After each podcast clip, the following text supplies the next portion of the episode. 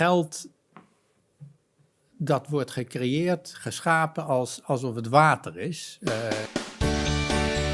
Leuk dat je weer kijkt of luistert naar weer een nieuwe aflevering van de Podcast of Hoop. En vandaag hebben we in de studio Joris Voorhoeven. We gaan het met hem hebben over de bronnen van ongeluk en hoe je deze op individueel en op internationaal niveau kan aanpakken. Podcast of Hope, moving towards happiness. Nou, leuk dat u er bent.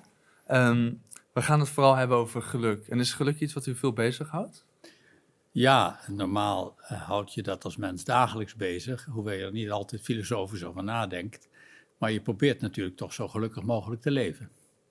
Ja. Maar dat filosofisch nadenken, dat doet u wel? Een beetje. Ik ben geen filosoof, uh, maar uh, je kunt geluk natuurlijk op allerlei manieren definiëren. Wat mij aanspreekt is wat ik een keer zag bij een uitzending uh, over geluk en verschillende filosofische scholen dat uh, de uh, maker van het programma naar een Afrikaanse vrouw toe liep die op het land bezig was met een soort hakbijl en vroeg, what is happiness? En zij keek op en ze zei, happiness, sir, is living in love without want. En dat vind ik een hele mooie definitie. Hè? In liefde leven zonder gebrek. Hm. er zijn meer aspecten aan geluk, maar dat is wel heel belangrijk voor mensen. geen gebrek, althans niet aan ernstig, geen ernstige gebreken, en in een liefdevolle omgeving. Ja, dus geen gebrek, dat zijn dus dat je aan alle basisbehoeften voldoet. Precies. Ja, en die definitie die deelt u ook wel dus.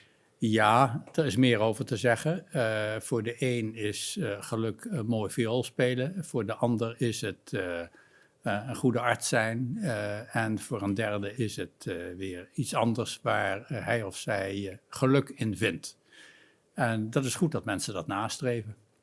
Ja, maar een basis van aan al je. Uh, kijk, als je aan al je basisbehoeften hebt voldaan, dan is dat natuurlijk ook een mooie basis om die andere dingen na te kunnen precies, streven. Precies, ja. Ja, ja, ja. Dus het is eigenlijk een, een soort van basis voor geluk misschien. Ja, um, geluk begint natuurlijk met je eigen gezondheid en welzijn. Hmm. Maar dat hangt sterk samen met die van, je, van de mensen om je heen.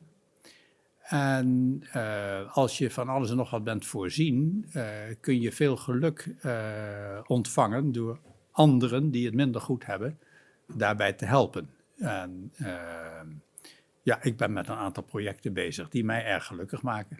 Ja, zou u voorbeelden kunnen noemen? Um, ik zit in een aantal besturen van goede doeleninstellingen. Dat vind ik erg leuk. Ik ben nu aan het proberen een soort vluchtelingenhuis uh, in elkaar te zetten in uh, de overdrachtelijke zin. ik heb een, een, groot oud pension op het oog, wat ik voor een bescheiden bedrag zou kunnen verwerven. En dat heeft 18 kamers en 8 badkamers, dus er kunnen heel wat mensen een onderkomen in vinden die nu soms in slechte buurten van grote steden zwerven omdat ze geen ja. woning kunnen vinden. En dan geef je hun eigen, uh, dan hebben zij ook niet meer die gebrekken, zodat zij ook gelukkig kunnen worden op die manier. Dat is te hopen. Het is nu goed voor vluchtelingen om te integreren in het land waar ze zijn aangekomen. Ja. Dus snel de taal te leren. Uh, in dit geval gaat het om uh, Duitsland. Ik heb een uh, vakantiewoning in Duitsland en daar in de buurt trof ik dit pension aan en dacht dat is leuk om te verwerven. Ik heb toevallig mijn huis in Den Haag verkocht. Ah. Heb dus wat om te investeren. Dat lijkt me een erg leuk doel. Dat zijn dingen waar ja. ik gelukkig van word. Ja, dat geloof ik. Dus het, het mensen helpen aspect is eigenlijk iets waar men gelukkig van wordt. Ja, dat geloof ik wel. In zijn algemeenheid. Uh, het is gewoon het oude voorschrift. Uh, uh, naaste liefde. Ja. Als je het tegendeel bedrijft, word je daar erg ongelukkig van. En ehm, als je mensen gaat haten en schade berokkent. volgens mij worden de meeste mensen het gelukkigst van het samenleven en anderen helpen. Dat denk ik ook wel. Misschien ook de reden waarom u ooit in de politiek bent begonnen. Um, ja, je zegt misschien, er zijn allerlei overwegingen waardoor je uh, die stap maakt. Uh, ik ben uh, na mijn middelbare schooltijd aan de Universiteit Wageningen gaan studeren, omdat ik geïntegreerd werd door het rare vraagstuk dat we in deze knappe wereld, met die economisch vaak toch groeit en bloeit, toen 300 miljoen mensen niet konden voeden. Die waren structureel eh, ehm, eh, in, in de honger. Van eh, de ene, het ene jaar op het andere jaar. En mensen die dus daardoor snel ziek werden, kort leven hadden, in erg ongelukkige omstandigheden leefden. We denken vaak dat we in in, in de wereld heel veel vooruitgang boeken. Dat is ook wel zo in technische zin. Maar nu is het aantal structureel hongerenden ongeveer 1 miljard. Mhm. Dus het gaat niet zo goed als veel mensen denken. Zit Maar- er zo van, oh, Oh, ja, is dat dan procentueel eh, vooruit gegaan of is het wel procentueel hetzelfde omdat de, de Nee. bevolking natuurlijk heel Procentueel is door de enorme bevolkingsgroei het aantal mensen in structurele honger afgenomen. Ja, oké. Maar Nog steeds te veel natuurlijk. waar het om gaat is dat je ongelukkig zijn moet bestrijden. En als er nu meer dan 1 miljard mensen zeer ernstige hongerproblemen hebben en daardoor ziek worden, niet goed kunnen functioneren, niet voor eh, hun gezinsleden kunnen zorgen, dan is dat een erge bron van ongeluk. Ja. En eh, mijn benadering van ehm, geluk is dat je vooral de oorzaken van ongeluk moet bestrijden. Het is dus ook een strijd. Strijd voor rechtvaardigheid. en hoe moeilijk is dat om dat, eh, om dat te doen?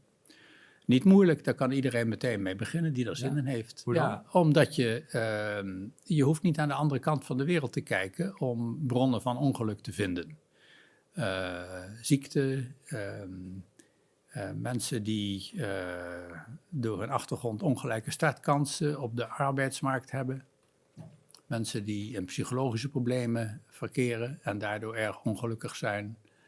Ehm, maar hoe verder je van Nederland weggaat, eh, hoe meer ongeluk je treft. Want wij zijn naar verhouding een van de gelukkigste landen in de wereld. Ik heb door mijn betrokkenheid bij ontwikkelingssamenwerking en vraagstukken van oorlog en vrede heel veel landen gezien, over het algemeen maar kort bezocht. Maar eh, ik was altijd erg blij weer terug op Nederlandse bodem te zijn. Eh, ik denk dat het wel zo'n 60 landen zijn. En heel veel mensen leven in heel beroerde omstandigheden. Word je dan daar zelf ook een beetje ongelukkig van als je dan in die plekken bent en dat dan ziet? Is dat Ja, misschien ook een beetje ja. besmettelijk? Ja. Als student eh, tropische landbouw eh, liep ik stage in eh, Indonesië. En als ik van mijn werk terugging naar mijn pension, moest ik over de mensen heen stappen die op de stoep lagen te sterven. Oh. Mensen die honger leden, vaak hele gezinnen. Helemaal grijs van eh, de uitstoot van alle dieselauto's die daar langs reden. En niemand keek naar ze om.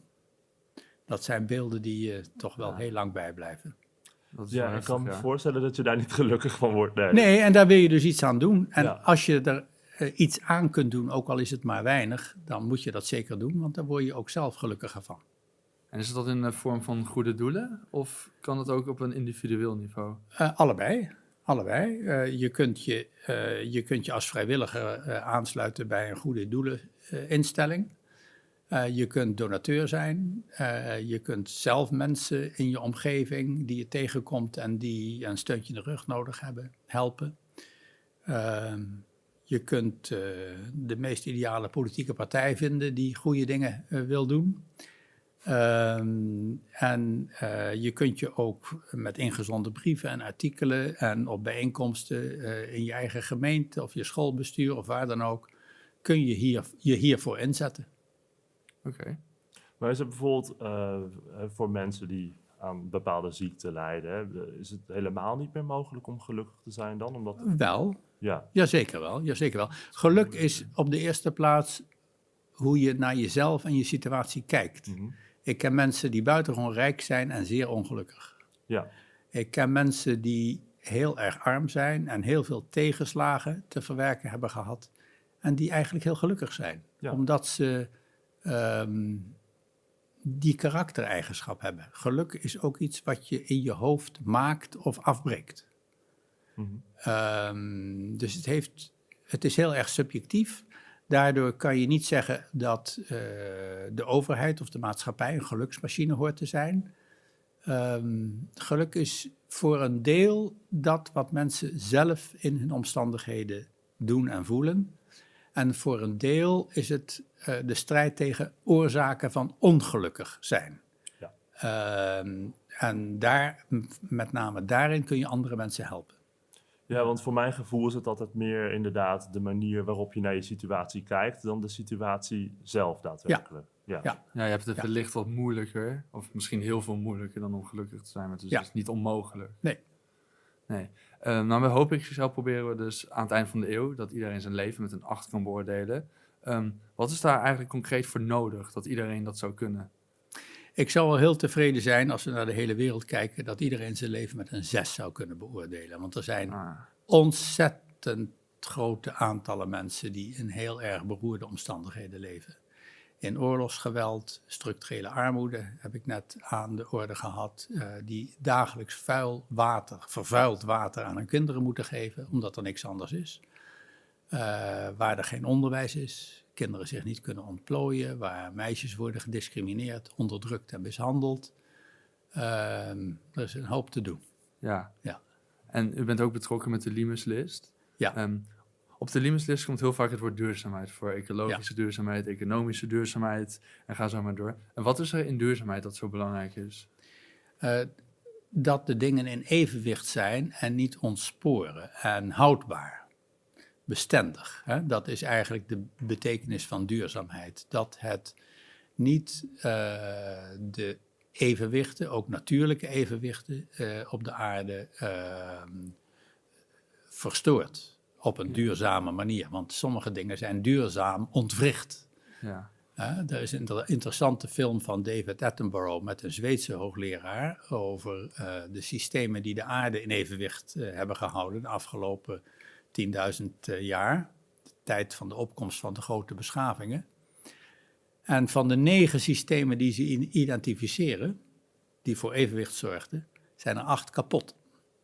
Oh. Door overconsumptie, overgebruik van energie en eh, metalen en mineralen, door overbevolking in sommige gebieden. Ehm, Zijn die voor altijd kapot of zijn die nog wel die zijn te repareren? nu kapot en ze zijn in een gevaarlijke mate kapot. Sommige mensen denken dat het nu 5 voor 12 is en dat we nog een hoop kunnen, redeneren, eh, kunnen, kunnen, kunnen repareren. Als je ziet dat eh, Antarctica aan het smelten is, wat een gigantische ja, koelmachine is op de aarde, eh, is het de vraag of we dat nog kunnen stoppen. En als we het niet kunnen stoppen en als, als we al over het tipping point zijn, hè, waarbij een kleine sneeuwbal steeds groter wordt en Ja. steeds groter en naar beneden rolt en een ramp veroorzaakt. Ik heb zelf het gevoel dat we eigenlijk al niet meer vijf voor twaalf, maar kwart over twaalf leven. Dat is wel enigszins ontmoedigend. Misschien dat je dan Nee. denkt van waarom zou ik Nee, nog wat nee, is niet- veranderen? Niet ontmoedigend, want je moet doen wat je hand te doen vindt en wat je kunt. Ja, En daar word je weer gelukkig van. ja, dus- ja. Ja, dus eigenlijk gebaseerd op een gedachte, misschien is het nog wel te redden. Is het, is het belangrijk om daar dan nog op te... Je moet redden wat je redden kunt. Ja, En we leven in het hier en nu Hm. en niet in de volgende eeuw. Ik ben niet erg optimistisch als ik ver de toekomst in kijk. Ik probeer altijd klinisch te zijn, niet optimistisch, niet pessimistisch. Want beide houdingen zijn eigenlijk een vorm van door een bepaalde bril kijken die een vooroordeel veroorzaakt. Ik probeer na te gaan, wat is er eigenlijk mis? Waar ligt het aan dat zoveel mensen hieraan lijden of daaraan lijden? Dat zoveel landen niet democratisch zijn, dat zoveel mensenrechten worden vertrapt. Je kunt er pas iets aan doen als je begrijpt wat eigenlijk de pathologie van de samenleving is. Geweldpleging is een pathologisch probleem in veel landen. En om daar iets aan te kunnen doen, moet je begrijpen hoe dat ontstaat. Want dan heb je pas toegang tot de knoppen waarmee je er iets aan kunt verbeteren. Dus je moet er wel heel erg objectief naar kijken, omdat Ja. het anders gewoon geen zin heeft. Eh, nou, als je niet rustig analytisch kijkt, ehm, ondanks alle haast die we natuurlijk als mens willen betrachten, loop je het risico dat je de verkeerde dingen doet, die het erger maken in plaats van beter. Ja, aan de andere kant zit daar ook wel weer een aspect aan dat je niet te lang moet kijken wat je moet doen, omdat het dan Nee. misschien te laat is. Er zijn bepaalde dingen waarin het glashelder is wat er zou moeten gebeuren. Hm. Maar het gebeurt niet. Dat gebeurt niet. Nee. En wat bedoelt u dan? Nou, neem bijvoorbeeld ehm, het probleem van de enorme migratietrek uit Afrika naar Europa. Eh, ik sla even het hele woelige en gewelddadige Midden-Oosten over om één voorbeeld te geven. Noord-Afrika heeft gigantisch veel zon. Het is dus heel verstandig Noord-Afrika vol te zetten met zonnepanelen en zonnecentrales. En daar heel veel energie op te wekken. Met die energie kun je land- en tuinbouw bevorderen, want van energie kun je eh, goed, eh, met energie kun je goed water maken, irrigatiewater. Je kunt zout grondwater ontzilt, je kunt zelfs zeewater ontzilten en daar drinkwater van maken. Je hebt er veel energie voor nodig. Nou, in die streken, Noord-Afrika en Zuid-Europa, is een zonnepaneel driemaal zo effectief als op een Nederlands dak. Maar we zijn in Nederland bezig met zonne-energie, wat verstandig is. Ik heb ook zonnepanelen op mijn dak, gewoon omdat ik dat leuk vind. Maar we zouden natuurlijk gigantisch moeten investeren in Noordelijk Afrika. Ook omdat we die energie ook zelf kunnen gebruiken. Je kunt tegenwoordig met moderne eh, type kabel eh, heel veel energie, elektriciteit transporteren zonder grote verliezen. Ja. Maar we doen het niet. Maar Er zijn de internationale relaties te slecht voor. Ja, ehm, er zijn best bedrijven die het zouden willen doen, maar dan moeten ze samenwerken met een grote partner, de Wereldbank, de Afrikaanse Ontwikkelingsbank, een aantal grote Europese, grote eh, Europese landen zou eh, mede het initiatief moeten nemen. Een groot plan voor de ontwikkeling van Noord-Afrika. Dat zou ook betekenen veel werkgelegenheid daarvoor, daar in die gebieden. Ja. Ehm, veel mensen die aan het werk komen, die dan niet de gevaarlijke oversteek eh, via de Middellandse Zee hoeven te maken. Het is allemaal zo logisch en zo eenvoudig. Dus wat mij verbaast is dat het niet gebeurt. Het enige land dat dit doet is Marokko. Die heeft een, een 9 miljard eh, eh, kostende hele grote zonnecentrale gebouwd. Maar dat is maar één van de vele landen. Waarom steunen we een land als Tunesië niet? Eh, het enige land wat met een beetje democratie uit de Arabische lente is gekomen. Overal elders is het misgegaan. Ehm, een land met grote economische problemen. Ehm, het zou heel verstandig zijn als wij als Europeanen daarin investeren en dat land op een manier op de been helpen, eh, waar eh, we zelf ook beter van worden. Maar is dat, dan, is dat dan allemaal te ver van huis en dat het daarom niet gebeurt? Het is niet te ver van huis om daar met vakantie te gaan. Nee, dat, dat is waar. Hè? Dus Ja. ehm, ehm, ver van huis zijn weinig dingen in deze tijd. Afstanden zijn heel erg te verwaarlozen. Ehm, het is, eh, we moeten anders gaan denken over dit soort vraagstukken. Ehm, ja, wij zijn in Nederland niet zo Frans sprekend. Eh, eh, Tunesië is dat wel. Dat zijn natuurlijk allemaal dingen die je kunt overwinnen. En u zegt het is zo logisch, maar niemand doet het eigenlijk. Nee, we zijn in Nederland nou al een paar jaar aan het discussiëren over een groot pakket investeringen.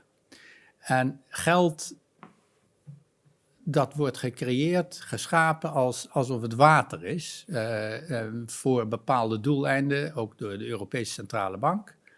Dat zien we ook eh, in de financiële crisis van 2008. Plotseling kunnen er honderden miljarden worden getoverd. Dat zien we nou in de coronacrisis. Als er regeringen zijn die goede plannen maken en mensen daarvoor mobiliseren, is het geld ervoor te maken. Het vraagt organisatie. Geld is een ander woord voor ehm, inspanning. Geld is koopkracht. Eh, geld wat al bestaat is de gecondenseerde inspanning van andere mensen of onszelf in het verleden. Eh, dus we zouden, zeker een land als Nederland, eh, bij ons klotst het geld tegen de dijken op. We hebben negatieve rente zodra je een groot bedrag op je bankrekening hebt staan. Hè, dan moet je strafrente betalen. Eh, de regering zou dat allemaal kunnen afromen eh, en eh, mooie, mooie projecten maken en garanderen, zodat het een veilige investering voor mensen is. Ja. Het bedrijfsleven zou heel graag meedoen. Dat is interessant. Daar heb ik er nooit ook. Maar de. Nederlander heeft er dan niet direct profijt van, dus om die reden Als, je, nou, eh, als de gemiddelde Nederlander jaarlijks een, een aardig rendement krijgt, eh Ja, dat 3, is wel- 4, 5 procent, zal iedereen meedoen. Ja, Het beste ren- rendement krijg je overigens niet via de banken Nee. en, en, en eh, eh, obligaties of dat soort dingen, of aandelen, maar gewoon door zonnepanelen op je dak te leggen. Dat geeft een rendement van dat 8%. meer, ja? ja. Oh. Dus ik zeg tegen mijn kennissen altijd, niet een spaarrekening, de spaarrekening ligt op je dak. Ja. Als, je, als je daar zonnepanelen legt. Ja, nou, duur in aanschaf natuurlijk, maar dat haal je er inderdaad wel uit. Je kunt ze ook huren. Ja, dat is Ja. zo. Dat is zo. Ja. In de Limeslist staat ook dat het, eh, de verhouding tussen welvaart en welzijn eh, recht moet worden getrokken. Of dat het in ieder geval ja, zo moet zijn. Eh, Ja. is, is daar sprake van een scheefverband op dit moment? In die zin dat economische vooruitgang erg dominant is geweest in de afgelopen honderd jaar. Hè, eh, er is vooral ingezet met regeringsbeleid en door bedrijven op eh, materiële groei en consumptiegroei. Ja. Ehm, dat leidt tot ernstige problemen waar we steeds meer mee worden geconfronteerd. Overgebruik van wat de aarde te bieden heeft. Het leidt ook tot ehm, vormen van schijngeluk. Eh, in de zin eh, dat je eigenlijk helemaal niet zo gelukkig bent met de Ja. situatie waarin je bent. Maar je hebt een escape. Eh, je kunt twee weken ergens op een ver strand in de zon gaan liggen. En daar zie je dan naar uit en dat is dan geluk. Ik, ik denk dat geluk veel dichter bij huis is te halen. Ja, daar komt die overconsumptie misschien ook vandaan. Hè? Want je realiseert je steeds meer dat je niet echt gelukkig bent. Dus dan moet je steeds meer consumeren, steeds meer consumeren. Ja. Ja, en dat... Ja. Ja, dus het, het leidt op individueel niveau ook al tot problemen, maar op grote schaal dan eigenlijk ook. Ja. Ja. Het klinkt wel als iets wat meer op is te lossen ehm, wanneer mensen een andere mindset krijgen dan bijvoorbeeld een eh, ander beleid voeren, toch? Ja, beleid is toch wel belangrijk. Want ehm, eh, neem bijvoorbeeld eh belastingssysteem. Hè? Ehm, dat is volgens mij een sleutel tot maatschappelijke hervorming. Waarom? De meeste mensen zijn bereid zich in allerlei vreemde bochten te wringen om maar de belastingrekening te verlagen. Ja. Ehm, iedere notaris kan je vertellen dat eh, mensen alles willen als er maar geen belasting hoeft te worden betaald. Eh, eh, ook bij de erfenis niet. Ehm, dat bewijst hoe belangrijk die belastingprikkel is. Als je nou de belasting verandert. Hè, we hebben naar verhouding een hoge belasting op arbeid. Dat is eigenlijk een straf op inspanning. Hm. We hebben naar verhouding een hele lage belasting op kapitaal. Dat verklaart waarom de rijken steeds rijker worden en de armen niet veel vooruitgang boeken. Hè. Eh, op wereldschaal zegt men, eh, de rijken worden rijker en de armen krijgen kinderen. Ja. Ehm, Ja. Dat moet natuurlijk gecorrigeerd worden, want die tendens gaat jaar in, jaar uit door. Hè. Waar de Amerikaanse samenleving aan leidt, daar leidt de hele wereld eigenlijk aan. Hm. De, de toenemende inkomensongelijkheid. In Nederland valt het nog wel mee, omdat we een progressief belastingssysteem hebben. Maar ook hier zou je de belasting op arbeid kunnen verlagen. Daarmee schep je ook weer nieuwe werkgelegenheid, want dan wordt het interessanter om nieuwe banen eh, te hebben, te scheppen voor bedrijven. En je zou tegelijkertijd de belasting op eh, vermogen eh, aanmerkelijk kunnen verzwaren. Ehm, want de vermogensbelasting stelt niet veel voor. Er zijn natuurlijk heel veel vermogende mensen die nou heel erg boos op mij zouden worden, omdat ze graag eh, hun vermogen in belastingparadijzen stallen. En er zijn ook mensen en bedrijven, en met name, eh, dat is een andere categorie, criminele organisaties, die van de geheime eh, belastingparadijzen gebruik maken. Genummerde rekeningen, waar je geen belasting betaalt en niemand weet wat je eigenlijk hebt. Dat soort dingen moeten worden aangepakt. Daar is ook heel veel te halen voor de overheid om daaruit te financieren. Beter onderwijs, beter eh, rechtshandhaving, eh, politie, internationale samenwerking, gezondheidszorg. Ehm, overheden laten miljarden liggen omdat men dit systeem maar laat doordenderen. En dus het niet corrigeert door eh, een forse ingreep in het belastingssysteem. Ja, dus is een sociaal beleid, dat is eigenlijk, of een socialer beleid, is eigenlijk dan wel vereist om in ieder geval gelukkiger te worden. Want het is logisch dat de kwaliteit van leven ermee omhoog gaat voor veel Ja. mensen. Zeker. Dus in principe zou het Ja. geluk daardoor ook omhoog gaan. Als de overheid stevige inkomsten heeft, kan het een hoop goede dingen doen. Ehm, werk eh, helpen stimuleren. Het kan eh, allerlei maatschappelijke achterstanden helpen inlopen. Het kan meer aan ontwikkelingssamenwerking doen. Het heeft dan minder problemen met het opvangen van de vluchtelingenstroom. Ehm, dus belastinghervorming is heel erg belangrijk. Maar voor een gemiddelde persoon is eh, belasting over eh, vermogen en belasting niet gewoon indirect belasting over inkomsten eigenlijk? Ehm, nou, kijk, je, je betaalt als gemiddelde persoon veel meer belasting over je arbeidsinkomen dan over wat je hebt gespaard en wat je misschien hebt opgespaard in eigen huis of een klein aandelenpakket. Ja. Ehm, ik denk dat er bij de grote vermogens eh, en de zeer hoge inkomens ehm, nog heel veel verbetering eh, mogelijk is eh, wat betreft de belastinginkomsten. Hm. Eh, wat opvalt is ook dat, dat een, een groot aantal internationale bedrijven die erg succesvol zijn, nauwelijks belasting betalen. Eh, waarom verdient Jeff Bezos 150 miljard dollar Ja. in een beperkt aantal jaren? Omdat hij de belastingen omzeilt. Ja. Waar de gemiddelde middenstander last van heeft, want die moet zijn winkeltje draaiend houden. Hij gaat van het ene belastingparadijs naar het andere en heeft er nauwelijks last van. En dat, dat verstoort ook ontzettend de, de faire competitie tussen verschillende soorten bedrijven.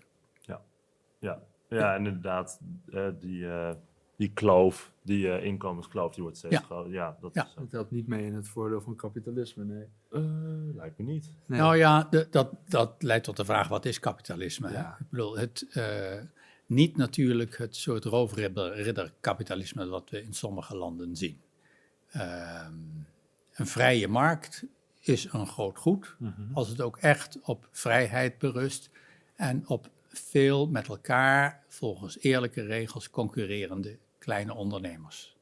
Ja. Maar zo werkt de werkelijkheid niet. Er zijn altijd monopolies en grote bedrijven en mensen met hele gewiekste financiële schema's die de vrije markt naar hun hand weten te zetten. Ja, het is ook interessant om te weten wanneer ben je dan vrij in zo'n systeem. Is dat wanneer je echt vrij vrij bent of wanneer je vrij bent omdat je eh, even dezelfde kansen hebt als iedereen om je heen? Ja, ehm, vrijheid vereist natuurlijk dat we vergelijkbare startkansen krijgen en die kunnen benutten naar onze talenten en motivatie. Ehm, vrijheid vereist dat er geen situaties ontstaan van machtsmisbruik. En heel veel wat er mis is in de wereld is het gevolg gewoon van machtsmisbruik. Ja. Waarin mensen die aan de touwtjes trekken, andere mensen en de natuur exploiteren. ja. Ik heb altijd wel een beetje het gevoel dat dat eh, bijkomstig is bij een meer globaliserende samenleving eigenlijk. Eh, ja, eh, want de allervrijste markt en de minst geregelde markt is de internationale markt. Ja. Ehm, in Nederland hebben we wat je zou kunnen noemen een sociale markteconomie. Er zijn grenzen gesteld door sociale maatregelen, minimuminkomen, eh, een redelijk fatsoenlijke belastingheffing, bepaalde grenzen.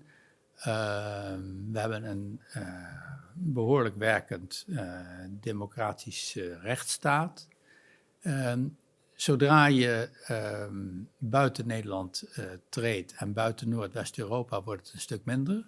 En op wereldschaal eh, in zijn totaliteit is het eh, eh, wat betreft vrijheid een jungle. Het recht van de sterkste regeert daar. Ja, want het helpt niet mee, denk ik, als bijvoorbeeld een bedrijf als Uber zomaar in Nederland komt en alle taxichauffeurs onder werk zet. Dat zou, ja, dan krijg je Men hoort aan dezelfde regels te voldoen als anderen die in die werksfeer Ja. met elkaar concurreren. Dan is het in principe gewoon concurrentie inderdaad. Ja. Ja. Men, Ja. men denkt vaak dat, dat de vrije markt een heilig goed is, door Adam Smith beschreven in zijn beroemde boeken. Ja. En eh, vergeet die boeken ook vaak te lezen, Mhm. Ook de liberalen lezen die boeken niet, die zich beroepen op Adam Smith. Adam Smith was een hoogleraar in ehm, de filosofie van de ethiek. En die betoogde dat als je mensen vrij liet te maken wat zij goed konden, en zich daarop te concentreren, en vrij liet in de prijsvorming, dat ze dan productiever waren en een groter welvaartscheppend vermogen hadden dan wanneer de koning alles dicteerde. Hm. Of een autoritair of dictatoriaal systeem. En dat is natuurlijk zo. Ehm, maar vrijheid heeft natuurlijk, moet altijd zijn grenzen hebben. Ook een markt. Hè. Het beeld van een markt is, is goed als we het hebben over kapitalisme. Dat is iets anders, kapitalisme. Een markt heeft een opening en een sluiting. Het heeft regels, het heeft gewichten. Het heeft een marktmeester die de regels handhaaft, anders worden mensen bedonderd. Uh, en zo hoort het ook in een maatschappij te gaan. Hè. En de marktmeester horen de instellingen van de samenleving in zijn algemeenheid te zijn. Ja, ja. Ja, ja. Interessant. Ja, Interessante vergelijking, ja. Ja, zo heb ik ook nooit naar gekeken, inderdaad.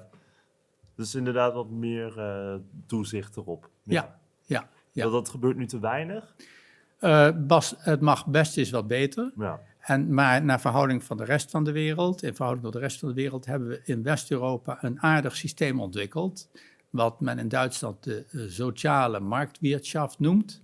Hè, wat in Duitsland na ehm, het herstel van de Tweede Wereldoorlog het, het begrip werd, de sociale markteconomie. Um, die mag nog best wat socialer worden.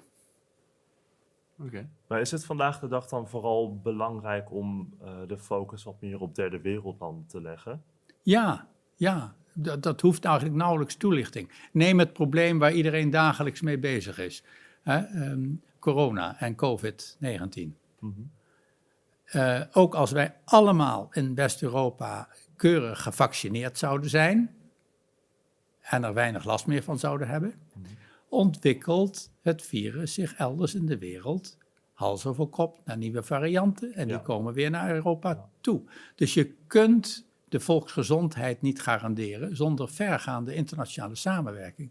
We moeten dus veel meer doen om mensen gevaccineerd te krijgen in de armere landen.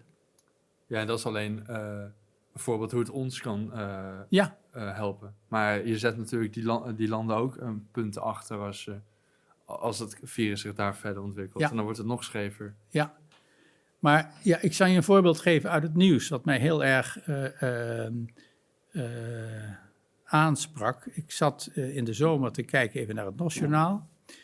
Ehm, het eerste item was hoe eh, corona in India ehm, eh, enorme aantallen slachtoffers maakte.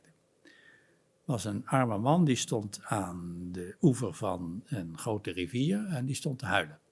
Waarom? Hij had zijn vrouw, die aan corona was overleden, eh, een, volgens de Hindoe-normen eh, goede begrafenis willen geven.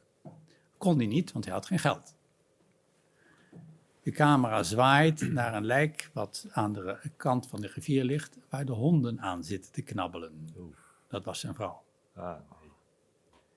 Volgende item op Nederlandse nieuws, meteen. Jongelui die eh, eh, roepen dat ze het recht hebben om te feesten. En dat het nou eens moet zijn afgelopen met de coronabeperkingen.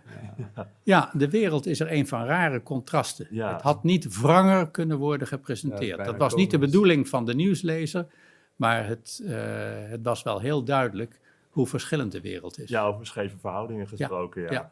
Ja, Ja, wauw. Ja. Ja, dat is wel echt bijna komisch, ja. Ja, Ja. ja. tra- ja, tragisch. Komisch op een tragische manier. Ja, Ja. ja. zeker. Ja.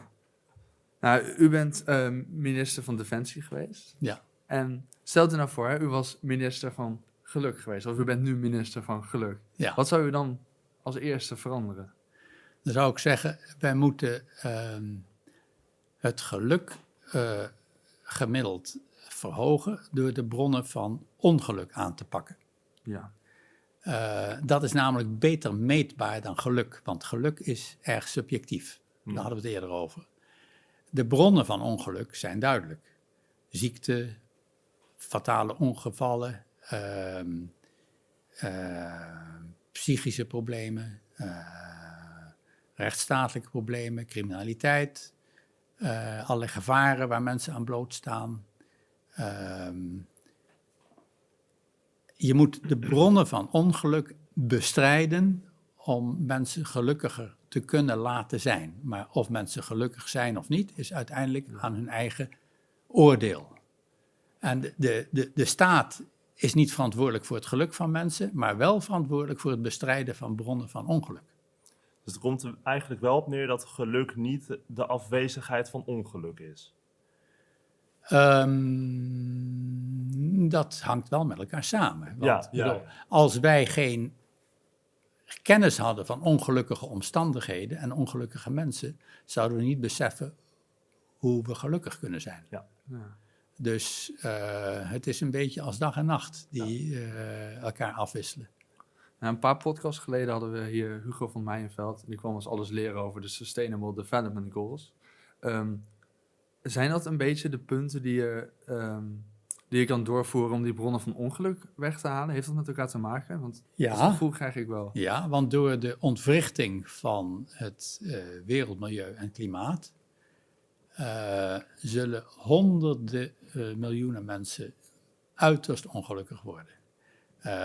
De gevolgen van de klimaatverandering slaan vooral neer in de grote kustgebieden in Azië en in Afrika. Het wordt ofwel veel te nat ofwel veel te droog of afwisselend. Daardoor zullen heel veel mensen gaan trekken. Heel veel mensen zullen overlijden door die omstandigheden. Heel veel mensen zullen gaan trekken. Dus we leven nu aan de vooravond van een sterker aanzwellende migratiestroom.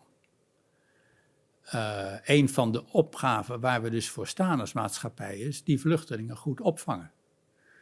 En onze taal leren, huisvesten, bijscholen, zodat het goed geïntegreerde burgers in de Nederlandse samenleving of in de Duitse of in de Zweedse samenleving kunnen zijn. Ehm, door zo andere mensen te helpen, helpen we ook onszelf. Ja, mooi. Ehm, nou, eigenlijk een beetje ter afsluiting. We vragen altijd aan onze gasten of ze een voorwerp willen meenemen. Ja, eh, waar ze gelukkig van worden of waar ze inspiratie uithalen. Heeft u een voorwerp meegenomen?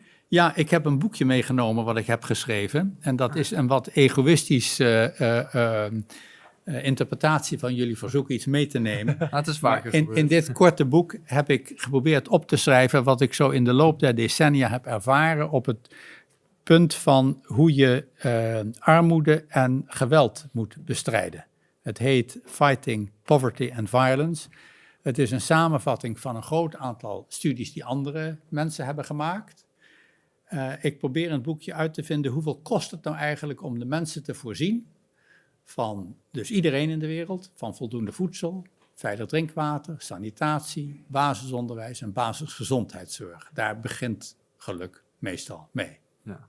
Nou, en de verbaasde conclusie is dat het niet meer dan 2% van het bruto wereldinkomen kost om dat te financieren. Ik heb dus de rekeningen van al die dingen bij elkaar opgeteld. Inflatiefactor in opgenomen, ook nog een flinke post onvoorzien, want ik wilde niet te optimistisch zijn. Eh, 50% bovenop gezet, zodat er een marge van vergissingen is. En dan kom ik met 2% van het bruto wereldinkomen. Dat verbaast me. Daarmee is het probleem niet opgelost, maar is wel aangetoond dat er eigenlijk geen goede reden is om die zogenaamde die houdbare ontwikkelingsdoelen, de duurzame ontwikkelingsdoelen, ook serieus uit te voeren. Hm. Waarom doen we dat niet? Nou, het Ja, vraag natuurlijk ik wel... net stellen eigenlijk. Waarom doen we dat? Waar doen? Omdat we politieke en economische besluitvormingsstructuren hebben die de mensen die aan het kortste eind trekken vaak negeren. Hm. Wij liggen niet dagelijks wakker van de jongens die in een kobaltmijn in Afrika, in Congo, omhoog en omlaag eh, gaan om te leveren wat wij in ons telefoontje nodig hebben. En het feit dat die maar een kort en beroerd bestaan leiden. Ehm, in die zin is het besef van wereldburgerschap nog heel zwak ontwikkeld. Maar we moeten wel leren dat alles met alles samenhangt en dat hoe wij leven een effect heeft op andere mensen. En nou, de wereldeconomie bij elkaar is ruim 80 ehm, triljoen euro's. Ehm, om die problemen die ik eh, noemde aan te pakken, is, zijn er niet meer dan ongeveer anderhalf nodig. Dus het kan. Het is een laag percentage, maar daar zou heel veel moet, voor moeten veranderen om te beginnen de belastingssystemen. Want het geld is ervoor. We barsten in de wereld van het geld. We geven het alleen aan de verkeerde dingen uit. En dat zou ook internationaal eh, moeten gebeuren, neem Ja. ik aan, toch? Ja, Dus tuurlijk. Je kunt dat niet als. Nederland alleen. Je kunt als Nederland alleen een fatsoenlijke bijdrage geven. Dat doen we al niet meer. We hadden vroeger het doel dat we 17e van 1% van nationaal inkomen aan ontwikkelingssamenwerking besteden. Dat is nu de helft ervan geworden. Zeventiende van... Ze- Ja, dus 0,7 procent Oh ja, van het, van het. Ja, wat is dat eigenlijk? 70 cent per 100 euro die we verdienen. niet heel veel. En, en in dit boekje staat, als we dus, als alle landen samen 2 euro per 100 verdiende euro zouden besteden aan die vijf essentiële behoeften van mensen, die overal in de wereld gelijk zijn, eh, dan zouden we dat kunnen oplossen. Ja, mooi. Het boekje op zich lost niks op. Het toont alleen aan dat het zou kunnen. Ja, het creëert bewustzijn. En dat er dus, dat mensen die zich verschuilen achter, ach, het is toch allemaal onbe- onbetaalbaar, er zijn miljarden armen en dit en dat. Je- Het, het, is, het is heel makkelijk allerlei excuses te bedenken waarom we iets niet doen. Maar eigenlijk is het heel dom.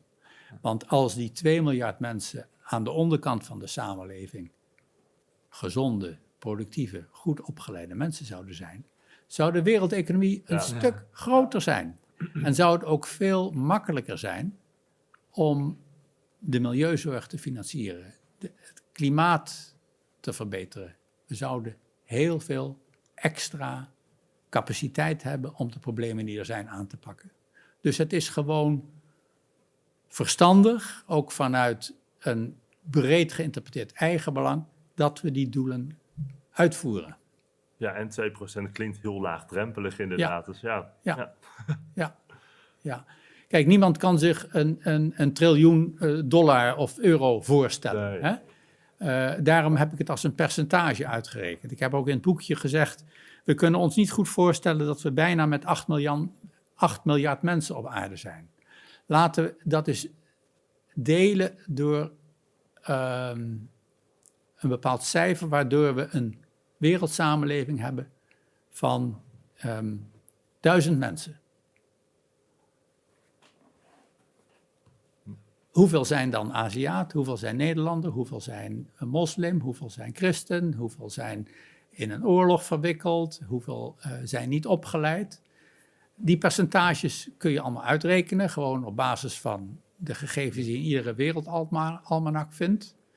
En dan zie je eigenlijk pas hoe vreemd de wereld in elkaar zit. Want het leidt ook tot de vraag, waarom wordt die stad van duizend mensen niet behoorlijk bestuurd? We hebben geen bestuur van dat wereldstadje. We rommelen maar aan. We hebben in dat wereldstadje een paar nette wijken waar het veilig wonen is en goed naar school gaan en goed werken. Maar er zijn ook wijken waar het levensgevaarlijk is om binnen te lopen, omdat de criminaliteit overheerst.